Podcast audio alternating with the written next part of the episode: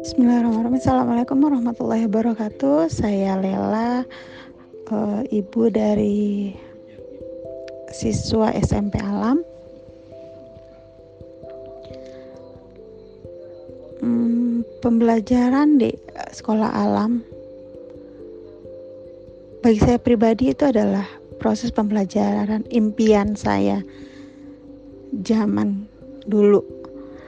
Setelah saya punya anak akhirnya saya bisa menemu saya bisa bertemu dengan sekolah alam dan saya saya berasa dreams come true. Saya bisa menyekolahkan anak-anak saya di sekolah yang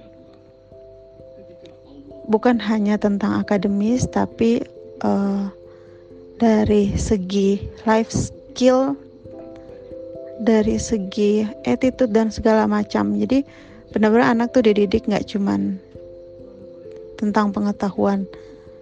Tidak cuma kecerdasan otak tapi segala uh, aspek.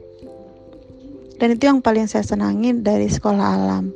Untuk proses pembelajaran kalau secara umum saya suka uh, karena anak-anak pun mereka saya saya lihat mereka sangat proses belajarnya itu menyenangkan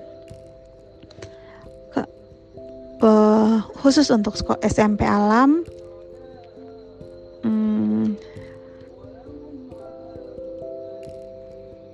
uh, saya pikir hal yang perlu ditambahkan adalah tentang kedisiplinan dan tentang kebersihan diri ya. Kebersihan diri misalnya seperti uh, rambut gitu ya terus kuku kebersihan kuku. Kebersihan diri secara keseluruhan lah.